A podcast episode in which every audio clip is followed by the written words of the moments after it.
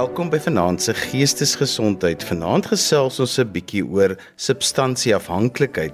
My gas is Clyde Skreder, hy is 'n maatskaplike werker by Ramot hier in die Kaap.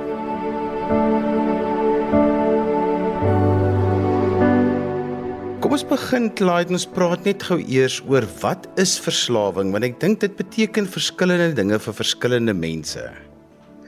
Nee, dis 'n baie goeie vraag. Eerstens baie dankie vir hierdie geleentheid Johan. Ek ek voel dis 'n baie goeie onderwerp wat ons oor praat vanaand. Maar ja, so vir 'n lang tyd het 'n verslawing 'n onbeheerbare gewoonte geraak om alkohol of ander dwelms te gebruik, maar meer onlangs, nee Johan, het die konsep van verslawing uitgebrei tot gedrag soos dobbel, asook stowwe en selfs gewone en nodige aktiwiteite soos oefening en eet. En uh die sleutel is dat die persoon die gedrag op een of ander wyse aangenaam vind en in die gedrag oormatig betrokke raak as 'n manier om met die lewe te gaan en Johan teen die tyd dat 'n persoon verslaaf is sal die gedrag meer probleme in die persoon se lewe veroorsaak as wat dit oplos. So dis in 'n sin wat wat verslawing is. Want klaai die ding is is dat verslawing begin altyd met iets wat jy geniet. Ja, Ja, nee verseker en ek het ek ek het vir nou vir jou genoem, ek het in die week ook met 'n skool gepraat en dit begin al van kleins af met eksperimenteer, eksperimentasie op 'n skoolvlak en kinders en jong mense geniet dit en dit spil oor na as jy groot raak en as jy ouer raak en ehm um, dit dit dit word dit dit word 'n ding wat jy aanhoudend doen. So ja, verseker. Klaai, die groot ding is mos nou dat die persoon wat verslaaf is, is die persoon wat op die ou end die meeste aan ontkenning ly en waar almal om jou sien dit raak, maar jy wat in daai is, sien dit hier raak en dis een van die groot problematiese dinge om dan byvoorbeeld by 'n plek soos Ramot op te eindig of te aan te meld en nie te eindig nie, maar eintlik te gaan begin om weer jou pad terug te vind na waar jy weer 'n funksionele lewe kan lei. Verseker verseker Johan en uh dit dit veroorsaak ander probleme. Baie keer wil wil die tipe persone eh, hulle hulle ontken al die feite wat voor reg voor hulle staan en um en om die geliefde te beskerm of vas te hou en hulle glo dat uh deur te ontken daartoe lei dat alles dieselfde sal bly terwyl hulle in die werklikheid hulle geliefde in 'n verdere gevaar plaas deur die feite te ignoreer. So dat dit speel ook 'n rol in die in die in die siklus van van dan van die verslawing en die effek wat dit op die gesin en verhoudings uh, dinamikas. Nou as 'n mens met iemand praat wat jy kan sien dinge is nou besig om te ver te gaan, dan sê hulle mos altyd vir jou terug maar ek het hierdie onder beheer. Ek kan dit enige dag los. Dis 'n baie groot ding wat baie keer gebeur en hulle voel hulle kan enige dag ophou. Hulle voel ja nee, hulle die le hulle lewens um hoe hulle hulle lewens beheer op op op op die huidige oomblik. Dis maar okay en dis fine, dis alright. Um maar uh dis nie noodwendig die die die die, die werklikheid nie, nê. Nee. Um en dit is baie keer hoekom mense en individue aanhoudend so gebruik en uh soos ek nou voorheen gesê het, die verhoudingsprobleme en en um alle aspekte en alle fasette van die familiedinamika geaffekteer is. So ek hoop daai het jou aan beantwoord. Clyde, kom ons praat oor die persone wat die pad stap saam met die verslaafde. Ek wil uitkom by die mense wat nou eintlik met die persoon praat om te sê en wat dit ervaar. Dis baie keer hmm. gesinslede, dis familielede, dis vriende. Die mense wat nou eintlik aan die ontvangkant is van dit wat die verslaafde se verslawing veroorsaak. Daai gesprekke, daai pad, dis dis dis 'n lang en moeilike pad. Vertel bietjie vir ons wat jy ervaar daarvan. Ja, so baie keer en ek sien dit teen male sonder taal gesien. Jy kan ek ek sien dit baie keer. Jy kan nie die feite voor jou ontken nie en en baie keer ontken die familielede dit. Dit kan wees as gevolg van die vrees of die trots wat familielede het en baie ander redes wanneer jy onttrekking aan 'n gewone sosiale verpligtinge ignoreer soos om werk te vermis of om in 'n kort tydjie by talle nie verworwe poste afgedank word, stook dit die vuur en gouer jy verslawing nader hoe makliker is dit. En 'n ding wat ek baie keer sien is wrok teenoor familielede, nê. Nee, dit is moontlik om die verslawing te affekteer terwyl jy wrok vir die verslaafde kweek ek sien dit baie keer dit is waarna verwys word as 'n selfvervullende profesie die instaatsteller of enabler help die gebruiker om hul gedrag voort te sit terwyl die verslaafdes toenemend minag omdat hulle hul verslawing voortduur en dit is 'n bose kringloop. 'n Mens sien dit baie keer en uh dikwels vererg ons mense stilweg. Hulle uh, hulle hulle is frustreerd en dit is dieselfde in die openbaar vir almal om te sien en dit kan om 'n aantal redes wees um Johan wanneer jy die feite wegsteek dit ignoreer en verwag dat dinge sal verander en dit is niks minder as ons sê altyd 'n fabel. Uh optrede moet uh, die optrede moet geneem word het sy deur 'n uh, uh, intervensionis of 'n lid van die familie of met met iemand praat um wat wat na in die familie is.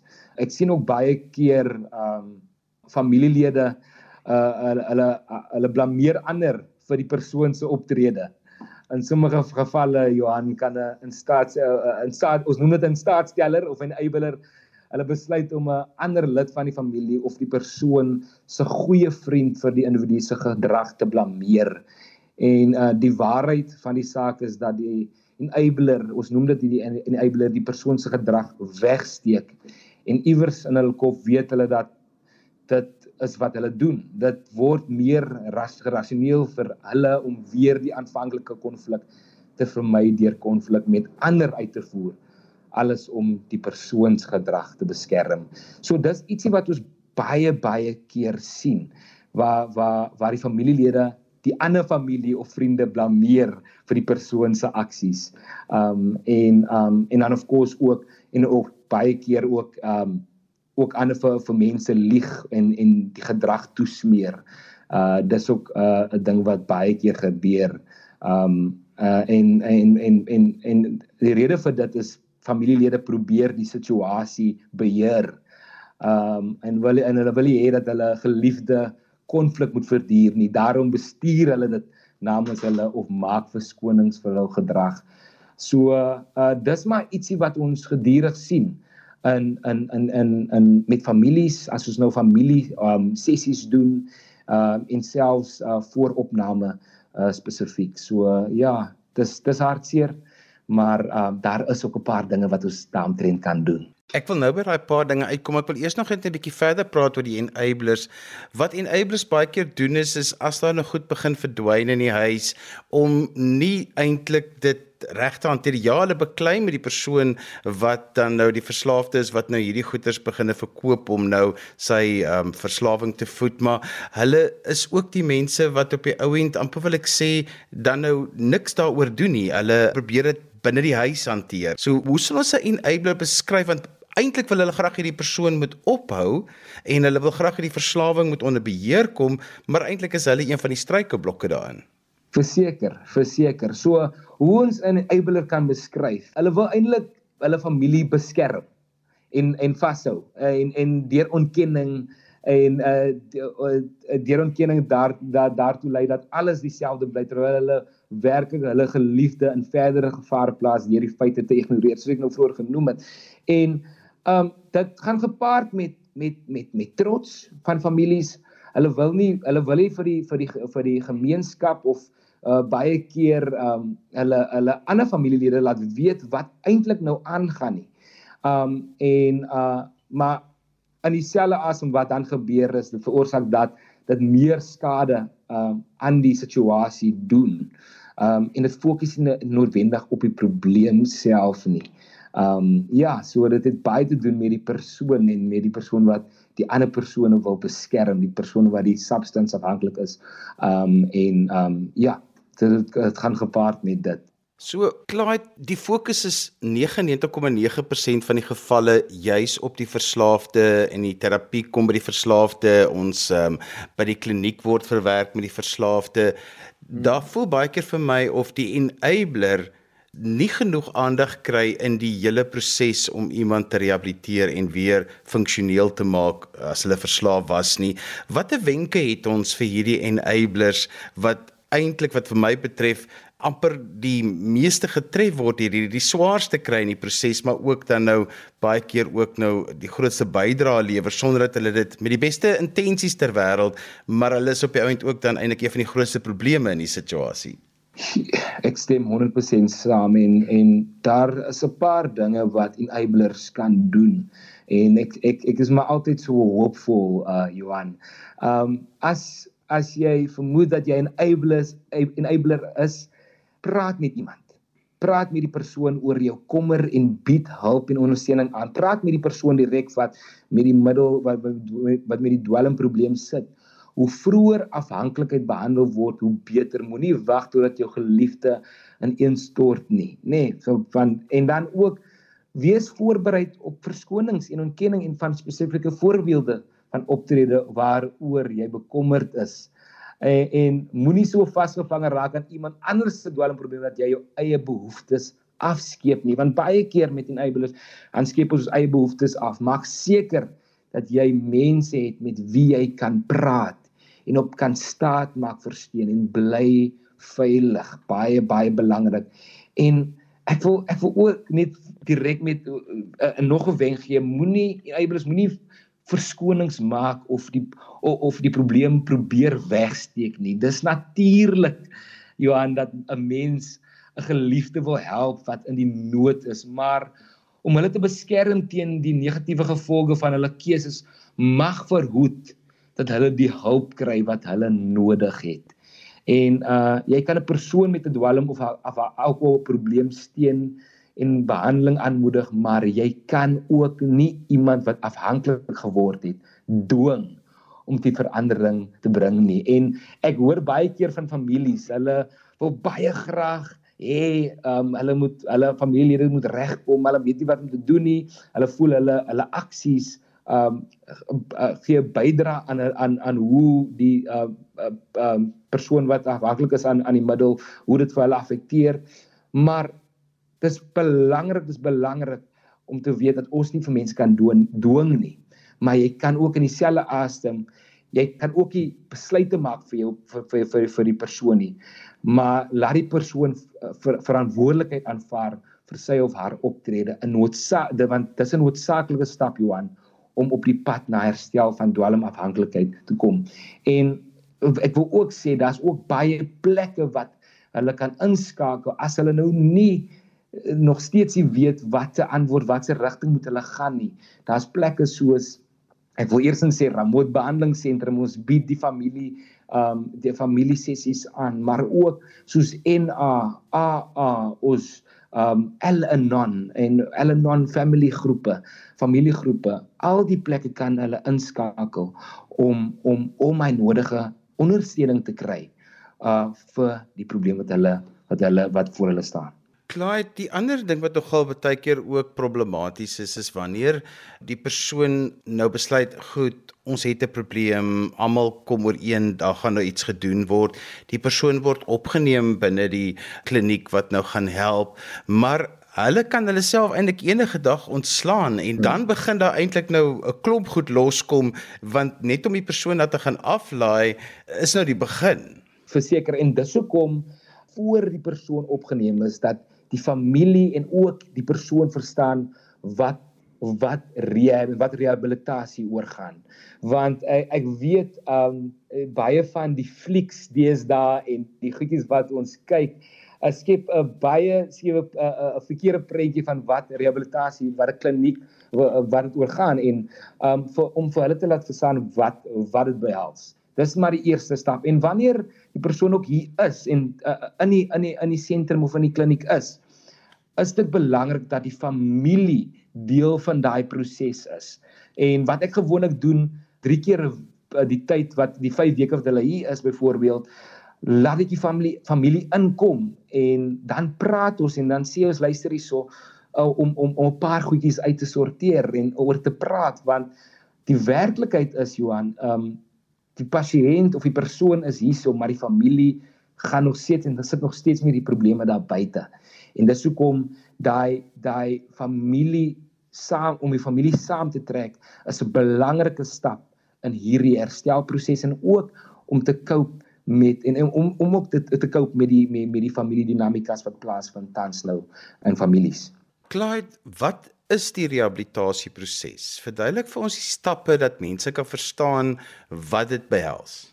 Goeie, baie goeie vraag. So spesifiek hier by Ramot Behandelingsentrum is dit 'n 5 weke program. So die eerste week wanneer die pasiënt opgeneem is, gaan hulle direk in na detox in. So dis wanneer hulle um rustig begin raak in die program hulle hulle hulle hulle hulle kan um uh, normaliseer die susters um kyk mooi na hulle in daai tyd en um to, to, om om net seker te maak dat die middels uit uitgewerk is. En dan na daai week verby is, begin ons eintlik met die program en dis eintlik waar ons met groep sessies begin. Ons praat 'n bietjie oor verslawing en effek wat dit het op die brein en die liggaam en dan verder aan ons weet mos nou klaar dat as jy die verslawing wegvat, verdwyn ons probleme outomaties nie, nê. En dis hoekom ons in die tyd in die tydperk wat wanneer hulle hier is, kyk ons na die ons noem dit die selfverreilende aangeleerde gedrag uh, in Engels noem dit die, die self-defeating learned behavior. Uh, ons fokus 'n bietjie na aan dit. Ons kyk na die onverwerkte woede. Ons kyk na die rol wat verhoudings speel in die herstelproses, spesifiek families en vriende. En en dan kyk ons ook na 'n relapse prevensie tegnieke en dan ook hoe lyk die program as hulle nou hier klaar is en ook in in in in in in die in die one-on-one sessies praat ons baie oor triggers en ons doen 'n bietjie baie berading ook um in daai sessies en uh uh in die tyd wat hulle is kan hulle die of het hulle toegang na die um na die kreatiewe afdeling, die arbeidsterapeut, die uh 12 stap groep sessies is um so en die gym en al die dinge wat ons wat wat ons wat ons gee vir hulle wat ons bedien hierso. So dis ons noem dit in Engels 'n holistic approach to recovery. So ons kyk na die groter prentjie na herstel, nie net na die middel nie, maar alle fasette van die persoon en van die individu se lewe. Clyde, die ding wat jy net nou verwys het is triggers. Ek dink baie mense wat nog nie met verslawing te doen gehad het nie, verstaan nog nie lekker wat die woord eintlik beteken binne die konteks van verslawing nie. Ah, yes, yes, so triggers kan 'n groot verskeidenheid van dinge wees. So ons ons noem dit die mense, plekke en dinge wat vir jou herinner van 'n middel of wat vir jou herinner aan jou gebruik. En um uh dis baie keer die beginstadium van 'n uh, 'n trigger en dan um verkeerde denkinge, dan kry jy mens die cravings, jou liggaam begeer om te gebruik en dan gebruik ons. So dis gewoonlik die proses wat dit volg, maar dit begin eers met 'n trigger uh met die ontvanklike ding wat gebeur. So die mense wat 'n trigger kan wees, soos dit kan soos jou vriende wees, dit kan familielede wees wat jy saam mee gebruik het. Um en dan mensplekke kan soos die plekke wees waar jy altyd gebruik het wat vir jou herinner op wat van jou vorige van die van die vorige vorige aksies wat jy altyd gedoen het en dan wat jou herinner aan aangebruik en dan ook die dinge dinge kan soos geld wees dit kan soos emosies wees wat wat lei tot gebruik. So dis alle alle dinge wat lei tot gebruik na middels en misbruik van middels. Mens kry baie keer dit wanneer iemand nou op die punt is of die gesin op die punt is wat iemand moet opgeneem word of dit nou 'n kind is of 'n ouer dat daar amper 'n ultimatum in hulle gestel word voordat hulle na 'n kliniek toe gaan om te sê as jy nie nou vir jou hier regryk nie en as jy jouself hier gaan ontslaan en as jy nou nie hier gaan uitkom en ons gaan dinge nou regkry en dinge gaan beter gaan nie dan is dit klaar met ons. Hoe voel julle oor daai want dit is so 'n natuurlike reaksie by die mense wat om hierdie mense staan wat al baie keer rot en kaal gesteel is of geld geleen het en net moedeloos is en dan stel hulle hierdie ultimatums wat natuurlik in lyn reg staan in met hulle liefde vir die persoon. Ja, so ultimatums is is 'n is 'n belangrike af 'n belangrike faset van die herstelproses. Ek wil ook nie ek wil ook nie sê dit moenie gebeur nie. Verstaan want baie keer moet die verslaafde of die persoon wat met die verslawing sukkel, moet hulle verstaan wat die wat die situasie is. Ja, so dit dit is 'n belangrike ding en dit moet dit kan direk van die familielede kom en dis die manier baie keer hoe familielede dit doen. Want as jy dit of as jy gaan skel en sê dit dit dit en dit doen en en op die persoon raas en whatever, dan is dit nie baie effektief nie. Maar om 'n platform te skep en ons noem dit 'n familie-intervensie waar byvoorbeeld um uh die familie om die persoon kom en eintlik sê hoe dit vir hulle self affekteer. Hulle aksies byvoorbeeld die familielede se aksies vir die familie affekteer. En dis dit is 'n goeie ding. Baie mense skroom om nie dit te doen nie. Maar dis 'n manier baie keer en dis ook waar rehabs en rehabilitasiesentrums inkom en maatskaplike werkers en terapeute inkom om daai te fasiliteer. Um maar dit is 'n belangrike stap om vir die persoon te laat weet hoe dit hoe die verslawing die familie affekteer. Dis baie moeilik vir die mense wat nou by die huis is, fisiek mense in 'n in 'n kliniek is. Want daai hmm. persoon in die kliniek is ongelooflik demanding. Dan soek hulle droë wors, dan soek hulle dit, dan moet jy ry met hulle wasgoed en eh, dit is interessant dat hulle dan vanuit die kliniek uit baie keer nog steeds regeer. Ja. Nee, verseker verseker uit die kliniek en en daarvoor en daarvoor sê ek nasorg 'n krities krities belangrike deel van van die herstelproses is. Um uh, as ons nou praat van 'n persoon wat nou uit rehab uitkom en uit rehabilitasiesentrum uitkom, um dan moet dan is dit belangrik dat die persoon na en die persoon wat uit die rehab uitkom, dit is belangrik dat hulle na 'n 'n supportgroep toe gaan. Um want baie keer voel pasiënte ek nou nou net vandag pasiënte ontslaan en hulle baie voel baie keer voel hulle hulle voel hulle familie verstaan hulle noodwendig nie. Hulle voel hulle is deur die ding alleen en hulle bly stry oor klein dingetjies en 'n supportgroep is 'n is 'n goeie plek om te ontlaai. Om te sê luister dis dis hoe ek voel. Dis waar ek deurgaan. Dis waar ek dis waar ek nou is. Want um die werklikheid Johan is die verhouding was in 'n sin geaffekteer en ons ons ons ons ons moet ons moet ook dit verstaan die verhouding tussen die familie en die persoon wat met die middels en wat wat met substance afhanklikheid sukkel. Uh die verhouding was geaffekteer en en dit vat tyd om te herstel. Dit vat baie baie tyd en dis hoekom ek sê die beginstadium is die persoon moet self um ou sê in Engels mature as you mature the relationship will grow with you. As jy as jy groei dan sal die verhouding saam met jou groei. Maar jy moet eers met daai proses begin. En um so dis maar 'n belangrike deel van dit is om eerstens net daai besluit te neem en sê luister hierso. Yes ek is ja ek is ja ek is gekant met met my familie wat nou nie my verstaan nie maar wat doen ek omtrent dit? En dis baie keer waar um ons noem dit cognitive behavioral therapy inkom. Um waar ons praat van um hoe ons kan cope met familielede so hoe ons kan cope um met uh, of, of dit hanteer um as familielede baie keer um nie vir ons nie vir die pasiënte verstaan nie en nie vir die persone verstaan nie. Kom ons praat oor die woordjie vertroue want yep. dit dit al kante toe van die verslaafde tot die geliefdes rondom hom verskillende betekenisse dit lei tot baie probleme veral as die persoon uitgekom het en terug is in die samelewing ja so uh, vertroue vat tyd ek sê altyd vir my pasiënte en baie keer wil ja ehm um, sê pasiënte vir my sê ja Clyde ek is nou ek het nou klaar die rehab nou gedoen en ek voel nou sterk en ek voel nou gesond en nou gaan alles oukei okay wees. Alles gaan nou goed wees. Maar ek sê ek ek ek sê vir hulle altyd daai vertroue moet eers terugwen word. Ehm um, en dit vat tyd.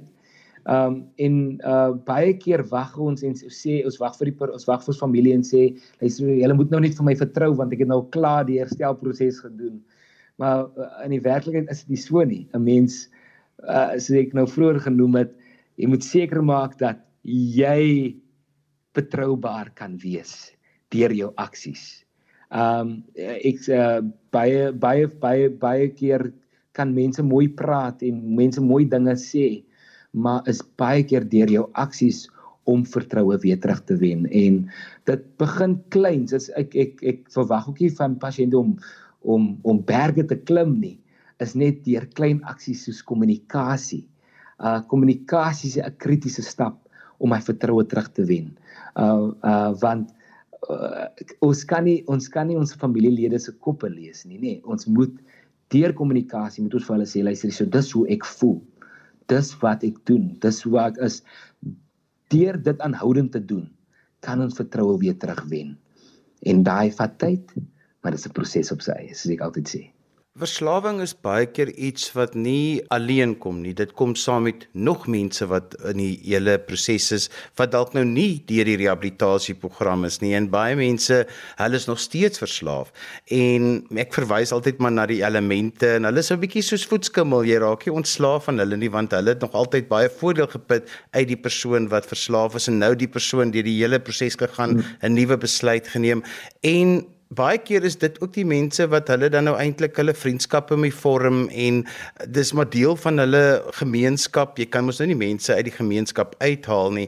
En dit bring baie konflik tussen die geliefdes wat nou saam hierdie pad gestap het en die persoon wat nou sy lewe beniet begin het en dan hierdie elemente wat eintlik so groot risiko inhou, maar dan vir die persoon jy vertrou hulle nie.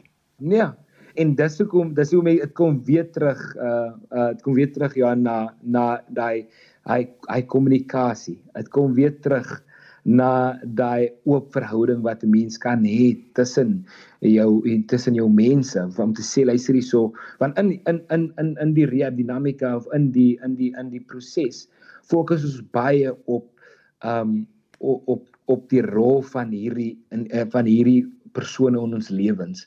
So uh om om 'n goeie plan vorentoe te hê en om daai plan te volg en om altyd terug kyk terug te kyk na daai plan toe en dit te bespreek met jou nodige mense wat in jou wat in jou sirkel is wat vir jou help groei om dit om oor dit te praat en altyd na dit te kyk. Um en dis dis ook 'n goeie stap om te vat en in te en, en te neem uh, om om hy proses te help. Clyde, hoekom is daar soveel mense wat nadat hulle die eerste keer in 'n kliniek was, wel weer later daarop eindig, maar ook daar's mos nou wat hulle praat van dis 'n indiscretion en dan is daar 'n relapse en dan is daar baie keer dan nou dat jy weer so, wat is die verskil tussen al hierdie terme want byvoorbeeld 'n indiscretion is nie noodwendig 'n relapse nie, maar dis taal wat nie almal lekker verstaan nie, maar die verslaafde verstaan daai konteks.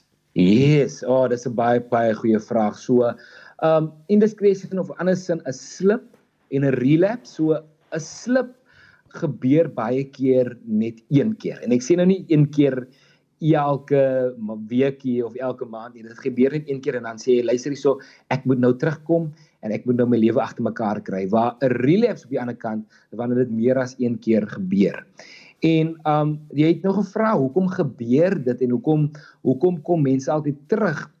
Baie keer is en ek sê nou nie vir al die luisteraars, ek sê nou nie relapse jy mense moet nou relapse om nou te herstel of nie. Nee, maar baie keer is relapse ook deel van daai ons noem dit die circle of change. Nee, die cycle of change.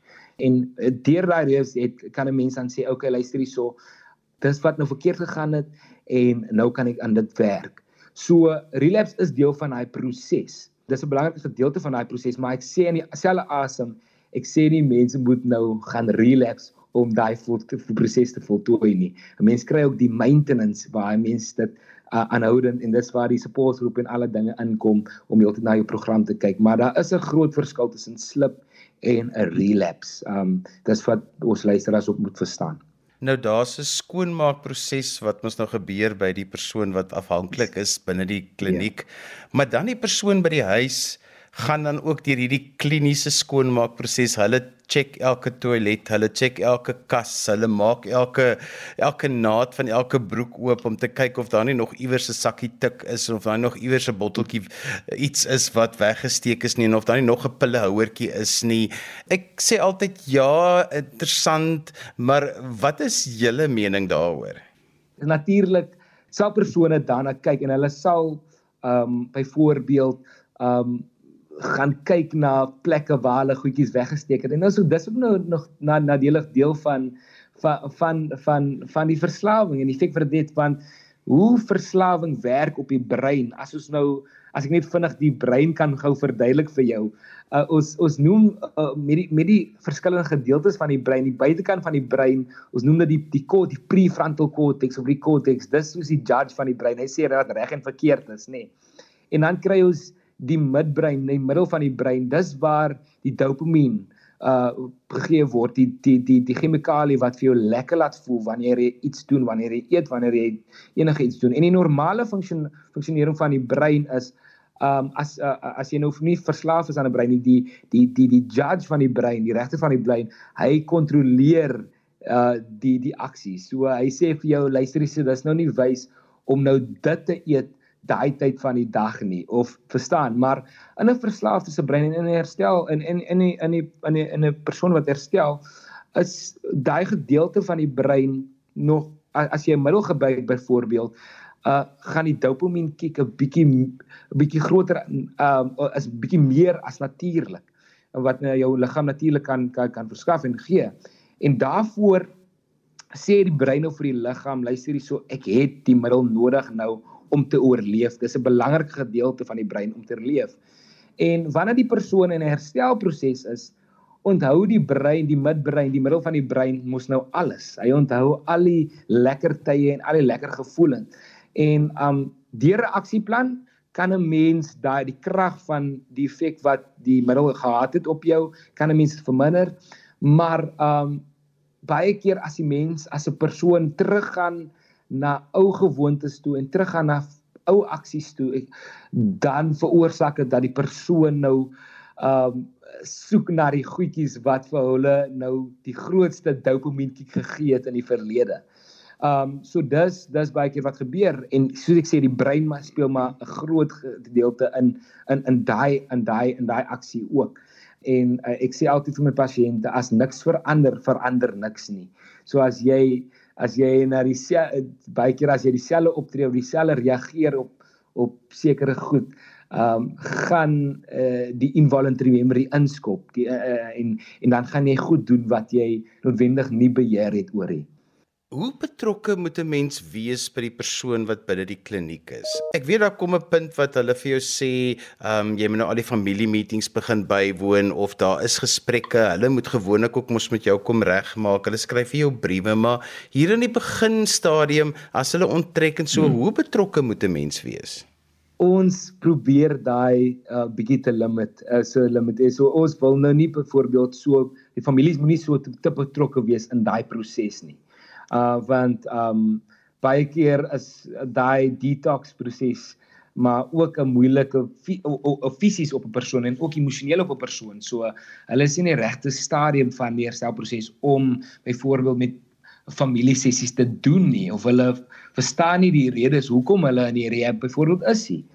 Um so dis hoekom ons maar gewoonlik omtrent 2 weke na opname wag, nou na die persoon opgeneem is wag uh totdat die persoon verstaan waaroor die herstelproses gaan en dan um vir die familie inbring en um ons doen ook die um die informasie sessies met die familie self en verduidelik vir hulle wat ons eintlik nou hier gedoen het en dan bring ons die familie en die pasiënt saam bymekaar en dan praat ons oor 'n paar dinge wat uh in die in die pad gekom het van van die verhoudings. Vertel gou vir ons 'n bietjie van wie is almal betrokke binne die kliniek by hierdie proses? Wat is jou rol? Wat is die ander terapeute se rol, die mediese rol?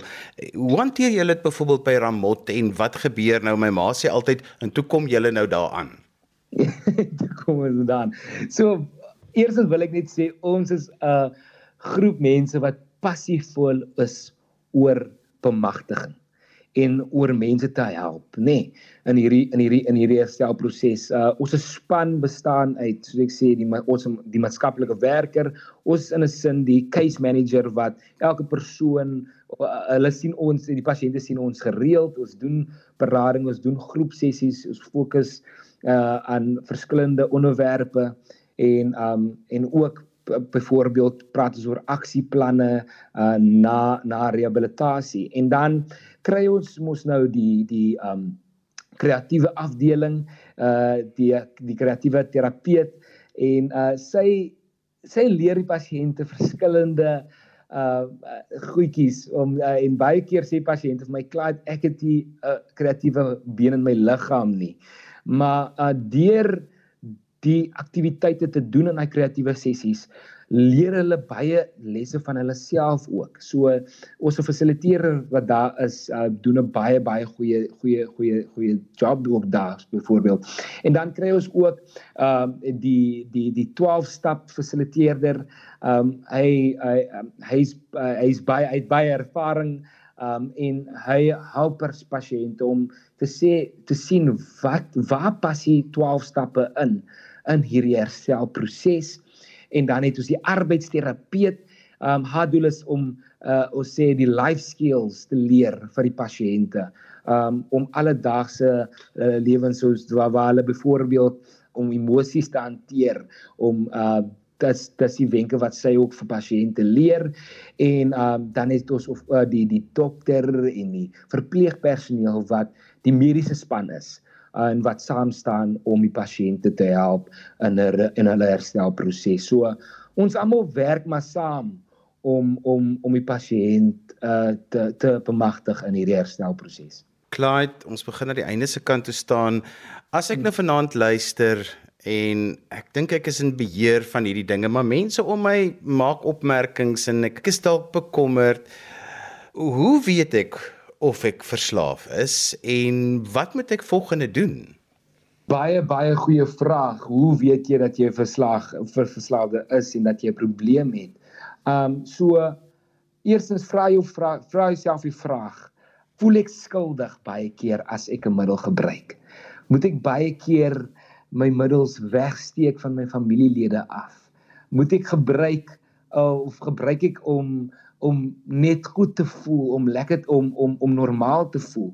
Um dis maar 'n paar vragies wat ons vir onsself kan vra en as ons ja gesê het net vir een van daai vrae, kan ons kan ons sê dat daar iewers iets is wat ons moet aanwerk in terme van ons verslawing en in, in terme van ons gebruik met 'n middel en en met die substansie. So daar daarvoor uh, sal ek maar maar al die luisteraars aanmoedig om in te skakel of uh, vir vir sentrums en, en en plekke te skakel. Byvoorbeeld ons Ramot behandelingsentrum om navorsing te doen. Ek weet mense is baie geneig om die internet te gebruik. So kom ons gebruik die internet om om om meer inligting te kry oor dit want daar's baie baie bronne wat 'n mens kan gebruik om om te help met hierdie herstelproses. So, ehm um, die beginstadium is praat met iemand, praat met die familielede as jy sê as jy sien jy het 'n probleem of jy miskien dink jy het 'n probleem, vra vir hulle hoe affekteer of of jy miskien of, hulle sien jy 'n probleem miskien het en vra jouself hy vra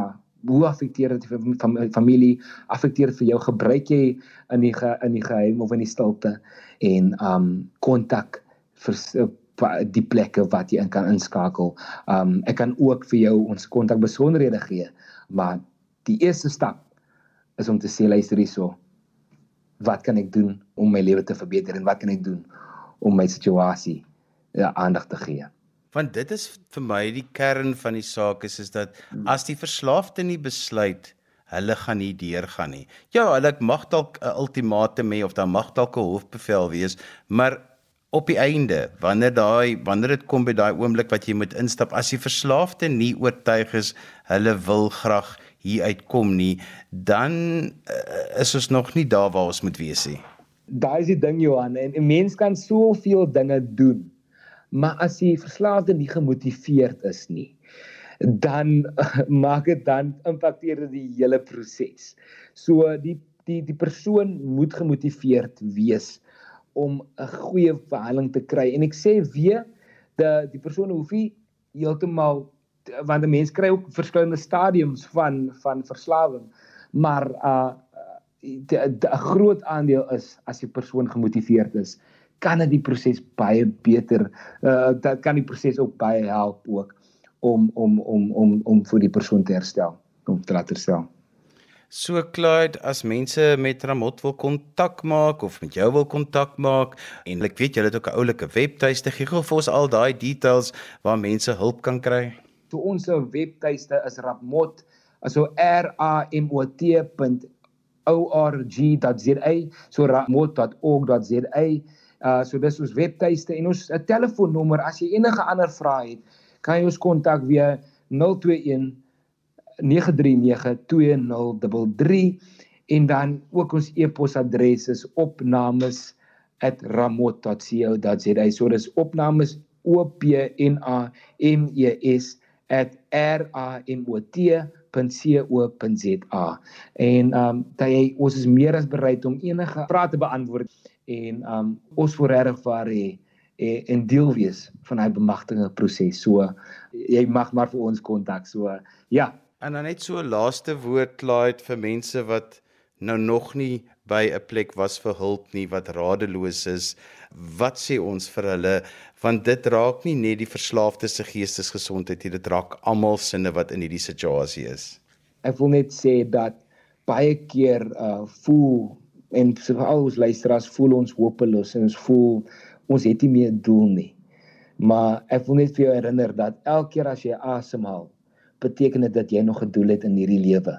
En daaroor wil ek vir elke luisteraar sê dat elke keer as jy asemhaal, sê vir jouself ek het nog 'n doel, ek kan nog my lewe verbeter en daar is plekke wat ek in kan in in kan kan kontak om om my te om my te help en om ondersteuning te kry in my proses. So daar is hoop aan die einde van die dag ek sê altyd uh, uh in Engels sê ons a comfort zone is a beautiful place but nothing ever grows there. So baie keer moet ons maar ook deur die moeilike tye gaan en uh leer uit daai moeilike tye om beter mense aan die einde van die dag te wees. En so gesels Clyde Skreder, hy is by die Ramot Rehabilitasiekliniek hier in die Kaap en hy is 'n maatskaplike werker daar. Dit was ongelooflik interessant en heerlik om met jou te gesels, Clyde. Baie baie dankie Johan vir hierdie gesprek. En daarmee ons gekom aan die einde van vanaand se geestesgesondheid. Onthou jy kan weer na vanaand se program luister as 'n potgooi.